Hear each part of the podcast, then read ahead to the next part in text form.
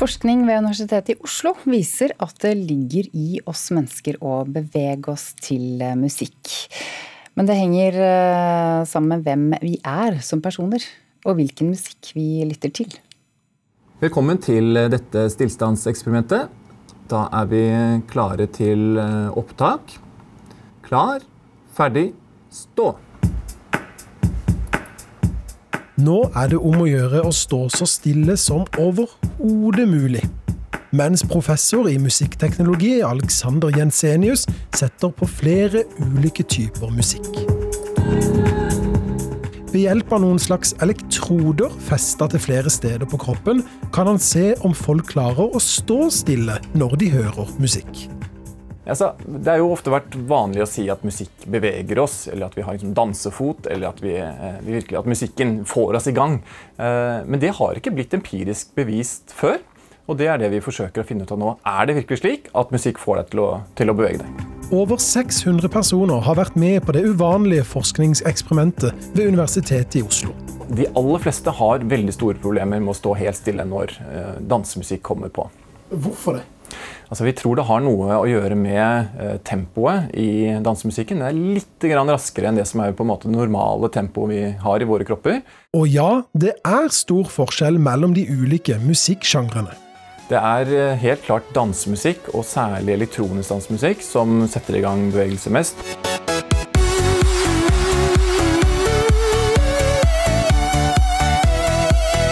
Og vi har sammenlignet det også med f.eks. klassisk musikk.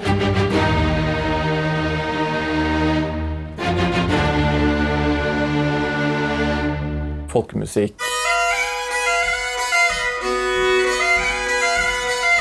og annen musikk som eh, ikke er, like rytmisk, og, og finner ikke den samme type, samme type bevegelse. Disse forskningsresultatene, hva skal dere bruke de til? Altså, nå jo, jobber vi primært med grunnforskning, hvor målet er å forstå mer av musikkopplevelsen. Men vi ser jo også at for eh, i medisin og f.eks. rehabilitering så kan jo det å bevege seg mer og på en, en bedre måte være viktig. Og der, hvis vi klarer å finne ut av at musikk kan bevege folk på en eh, positiv og god måte, så vil jo det ha, kunne ha gode effekter da, for mange mennesker. Bevege ikke bare følelsesmessig, men også fysisk? Fysisk bevegelse, og at musikken er med på det. Musikkpsykolog Agata Seletsjovska er en del av forskergruppen som undersøker bevegelsene musikk skaper i oss. Hun gjennomførte også personlighetstester blant flere av dem som deltok i eksperimentet. Det eneste tydelige funnet er at personene som scorer høyt på empati, beveger seg mer enn andre. If you feel what other people feel Um, it makes you also quite likely to spontaneously move to music. Bevegelse er rett og slett en helt naturlig og menneskelig måte å respondere til musikk, sier hun. When you think about it, music is some sort of communication. And when you listen to it, even if there is no one in the room who made it, even if it's just a recording, there is some human agent behind it. So a movement can be a way of responding to the human.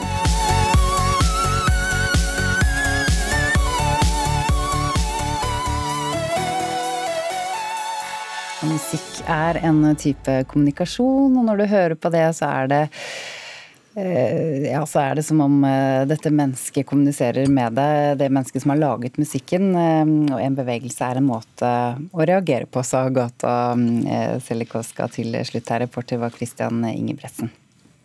Liv Marie Leirvåg, fagansvarlig for dans- og bevegelsesterapi på Universitetet i Sørøst-Norge, studiested Drammen og også danseterapeut. Hva gjør det med oss å bevege seg? For det første så kan vi få mer eh, livsglede inn i livet vårt. Vi, vi får kontakt med kroppen. Vi, kan uttrykke følelser, vi kan forløse stress. Vi kan kjenne på et eh, fellesskap, vi kan opprette forbindelser. Eh, det gir vitalitet. Og òg en slags ro i kroppen når man har danset og mens man danser. og ja. Nærmest en mirakelkur? Ja, og det er en helhetlig eh, form. Altså Man får jo kontakt med både følelser, det fysiske, det emosjonelle, det mentale, det sosiale. Altså Det inkluderer hele mennesket, og det er veldig viktig i vårt samfunn i dag. Vi sitter så mye i ro foran PC og sånt. Jeg synes det så ut som du nikket for deg selv da vi hørte forskerne snakke om at det henger sammen med empati. Ja. Hvordan henger det sammen med empati? Det å ha lyst og trang til å bevege seg? Altså for det første så er, Hvis man har kontakt med sin egen kropp, og man kjenner seg selv og har bevissthet om hvilke muligheter vi har som mennesker i forhold til kropp, bevegelse og dans, så gjør det noe med vår eh, eh, altså kontakt med oss selv, og at man kan se andre på en empatisk måte og forstå hvilke mekanismer vi har mellom oss og som mennesker i forhold til hvordan vi skal ha kontakt med hverandre. Og, og det tror jeg er veldig viktig.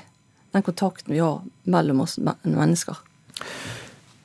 Er dette noe som gjelder når vi hører musikk, når vi danser, kanskje i en terapisituasjon, eller hele tiden? Eh, for det første så tenker jeg at eh, altså Det som er viktig å vite, er at bevegelse er jo vårt første språk. Det kommer før ordene. Så vi har jo helt, vi har naturlig tilgang til bevegelse. Og vi er også født med en personlig rytme. Så når vi eh, hører musikk som eh, kan stimulere oss, enten musikk vi har minner fra, eller vi har hørt før, eller vi har Altså, vi har jo sterk identitet til musikk, og det kommer litt an på hva vi har vokst opp med, eller hva vi har hørt på, eller og, og rytmen i musikken vil, eh, tror jeg, uansett stimulere oss til å ville bevege oss. Men hvis, En ting er rytme i musikken, men hvis det er sånn at vi har en personlig rytme, hvordan, hvordan hører du, hvordan finner du et menneskets egen rytme? Ja, det som er, Jeg har jo jobbet med veldig mange forskjellige grupper, danseterapi og dans og bevegelse. og Det som er veldig viktig, er at jeg lager et åpent rom for muligheter. Og der jeg på en måte prøver å lese meg inn på gruppen. Eh, hvilken type mennesker jeg har med å gjøre. og Kanskje til og med kan spørre de hva slags musikk skal har dere lyst til å høre på i dag, eller jeg kan foreslå noe og spille noe som som må ha en god grunn, grunnrytme. da, så Jeg må skape tillit og trygghet i gruppen for at jeg skal stimulere til bevegelse. Det er veldig viktig for meg. Liv Marie Leirvåg, du er jo også spesialpedagog og jobber med, med ungdom og skolebarn. Eh, også, hva gjør det med dine elever å bruke musikk ja, og altså, kropp? Mine elever eh, jobber på Hartvig Nissen videregående skole på tilrettelagt avdeling. Der er de mellom 16 og 20. I Oslo, ja. ja, nettopp. Og de har ulike typer lærevansker. Eh, autister, eh, Asperger, Downs, gråsone. Og de har dans på timeplan, dans og bevegelse. Og da det som jeg først og fremst ser når jeg, de kommer inn i dansesalen og får lov til å bevege seg til musikk der jeg lager litt rammer, da, det er en enorm glede. Og det sier de òg, at det er gøy, og de er glad, og de uttrykker gleden. Og, og hvordan kan vi andre som ikke er så heldige å være dine elever eller studenter, få oppleve enorm glede i hverdagen, tror du? Jeg tror man må bare rett og slett begynne å danse litt til musikk som man sjøl liker. For dans gjør virkelig noe med eh, gleden og vitaliteten og få ut litt stress, og man kan forløse ting. og det, det kan gi et lite sånn friminutt og der man får føle den gleden, og så kan man gå videre og gjør, fortsette med andre aktiviteter. Ja. Så du er overhodet ikke forbauset når du hører at forskerne ved Universitetet i Oslo finner at, eh, at, vi har en egen trang til å bevege oss til musikk? Overhodet ikke, og vi må gjøre det mer. Så, ja. Takk skal du ha, Liv Marie Leirvåg, danseterapeut. Da skal vi høre at støtteordningene til kulturnæringen får kritikk i en ny rapport. Først og fremst fordi virkemidlene ikke har vært eh, fleksible, heter det. Det har gjort at man avlyste et stort antall arrangementer som kunne blitt gjennomført i mindre skala. Dette har du sett nærmere på, kulturreporter Henriette Bertheussen Isaksen. Fortell hva denne kritikken går på. Ja, Rapporten som er laget av Menon Economics på oppdrag fra Kulturrådet, har sett på hvor treffsikre og effektive ordningene for kulturlivet har vært. Menon-partner Leo Grünfeldt sier til Aftenposten at kritikken handler om at virkemidlene ikke har vært fleksible nok. Og at det har ført til avlyste arrangement som de sier, som kunne vært gjennomført. Han peker på at det hadde naturligvis vært bedre om kunstnerne kunne produsere kunst eh, i stedet for å sitte stille. Han sier at regjeringa har forsøkt å rette på det gradvis, men at de forsto det for seint. Altså, hva er det som skulle vært gjort annerledes, helt konkret? Pga. at eh, koronakrisa har medført mye usikkerhet, så understreker Grünfeldt at det er viktig at tiltakene gir rom for justering og tilpasning underveis. Han sier til Aftenposten at eh, på en måte er det billig for staten å være ufleksibel, fordi da får de færre søkere. Eh, og han trekker frem at det ble tatt raske avgjørelser som ikke var gode nok, og at man kunne funnet ordninger som gjorde at de kunne fortsette å produsere kunst. Så hva svarer eh, Kulturdepartementet på denne kritikken? Kulturdepartementets eh, statssekretær Gunhild Berge Stang skriver en e-post til Aftenposten at målet hele tida har vært at alle tiltakene skal være målretta og effektive men at det har vært veldig viktig å få dem raskt på plass, fremfor å sikre millimeterrettferdighet. Dersom det hadde vært mulig å skreddersy krisepakker til hver enkelt virksomhet eller bransje, så ville det tatt eh, altfor lang tid. Og da ville hjelpa komme for seint. Videre viser hun til at eh, ordningene har vært eh, tilpassa flere ganger. Og ifølge hun er departementet innstilt på å gjøre nødvendige endringer også i fremtida. Eh, aktører i kulturlivet har hatt minst ti støtteordninger å forholde seg til, og i rapporten kommer det frem at kunstnere i liten grad har forstått hvordan de skal søke på disse ordningene. Og Grünfeld sier at i en ideell verden ville kunstnerne forstått at eh, de måtte se ordningene i lys av hverandre, og valgt løsninger som var best for dem.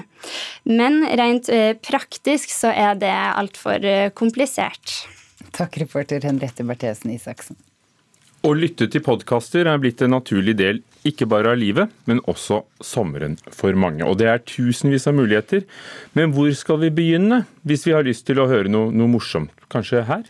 Mine meninger Ja, dagens tema er hudpleie, og jeg er en veldig fan av å pleie hud. Jeg eh, losjoner hver dag. Espen Borge, humoranmelder i NRK. Ehm, hva har du valgt, til, valgt, ut til oss først på listen din? Ja, god dag, god dag. Det er jo et eh, podkastland av de helt sjeldne vi bor i, så vi hører veldig mye på podkaster, og spesielt norske podkaster. Derfor er det jo ganske vanskelig å finne en norsk podkast som ikke allerede er allemannseie. for å si sånn. Du kan ikke sitte her og anbefale Radioresepsjonen og Friminutt. Så, men heldigvis, så det vi hørte nå, var jo Ahmed Mamad, som er, jeg synes er en av Norges mest lovende standup-komikere, som rett før sommeren starta den podkasten som heter Milde meninger. Og Der inviterer han gjester til å diskutere et tema helt til hesten er død, så, for å si det sånn. Hvor det kan være f.eks. fiktive karakterer med Vegard Tryggeseid, eller litteratur med Hasse Hope. Og da, Det har ikke kommet så veldig mange episoder ennå, jeg tror det er fire eller fem. Så hvis eh, Ahmed hører dette, her, så vil jeg anbefale å lage flere. Akkurat. Men, men eh, du, du, har jo lett, og du har funnet virkelig som flere utenlandske enn norske podkaster. Hvorfor det? Ja, det blir jo fort sånn, da. Altså, det er litt sånn som jeg sa, at det er veldig vanskelig å finne norske podkaster som ikke alle har hørt. Um, um, og så er det jo Man kan si mye om USA, men de er veldig gode på å lage humorpodkaster der borte. Så de fleste anbefalingene kommer derfra. For så er det en som heter Two Dope Queens, med to komikere som heter Jessica Williams og Phoebe Robinson. Uh, de inviterer tre ulike standup-komikere som uh, skal gjøre hvert sitt sett. Og Da er det mulig å oppdage standup-komikere som man kanskje ikke har hørt om før. I tillegg så er jo både Williams og Robinson veldig morsomme i samtale med hverandre også. Og så er det en annen klassiker som de fleste podkastinteresserte bør få med seg. Det er WTF med Mark Maron. Um, I Norge så har vi ikke så mye tradisjon for langformatspodkaster, så hvis du er begeistra for det, så burde du sjekke ut uh, den der. Han er egentlig standup-komiker han også, og manusforfatter. Og inviterer folk han syns er interessante til altså, flere timers samtale, f.eks. Tina Fey eller Barack Obama. Og det skulle jeg ønske vi hadde mer av i Norge, altså langformatspodkaster. Men det er, det er, vil du kategorisere det som humor, eller er det mer artig ja, det, lytting? Nei, altså, eh, Det er ikke alltid et fokus på humor, det kommer litt an på gjesten. Men eh, Mark Maron, som er programleder, han er jo opprinnelig komiker, så det blir jo stort sett et eh, ganske køddent tilsnitt. Har du flere i det lange formatet på lur? Ja, f.eks. så er det en amerikansk utgave av Lørdagsrådet, kan man kalle det. Hvor en komiker og skuespiller som heter Anna Farris har invitert, invitert, med seg en kjendisgjest for å løse ulike problemer som den generelle befolkning eller den gemene hop måtte ha. Så Da starter de med ca. en halvtimes intervju av kjendisen, og så ringer det en eller annen gubbe i Kansas eh, som lurer på om han skal gå fra kona. Og Så prøver de å løse situasjonen sammen med vedkommende. Det er ganske spredt å høre f.eks. Bob Saget eller Sharon Stone prøve å fortelle deg hvordan du skal slå opp med kjæresten.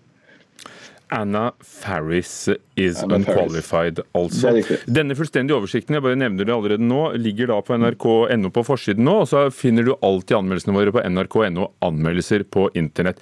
Humoranmelder Espen Borge, er det noe du vil legge til, så har du sjansen nå. Ja, nei, det var bare det at vi, vi rekker jo ikke å gå gjennom alle tipsene, så da vil jeg gjenta det du sa. Bare gå inn på nrk.no og se alle tipsene. Ja, men Gi oss en til, da, når jeg først har gitt deg muligheten. Ja, ok. Jeg har en på lista som heter You Made It Weird, med Pete eh, Holmes. Hvor, eh, som også er en langformatspodkast som kan vare og rekke i, eh, i flere timer. Hvor han inviterer eh, inviterer eh, til nerding rundt humor. Da. Sitter i, i flere timer og diskuterer dyptgående om eh, det som måtte oppta gjesten akkurat den dagen der. You Made It Weird med Pete Holmes. made it weird. Takk skal du ha. To timer lang den siste episoden, faktisk. Espen Borge. Ja, ja.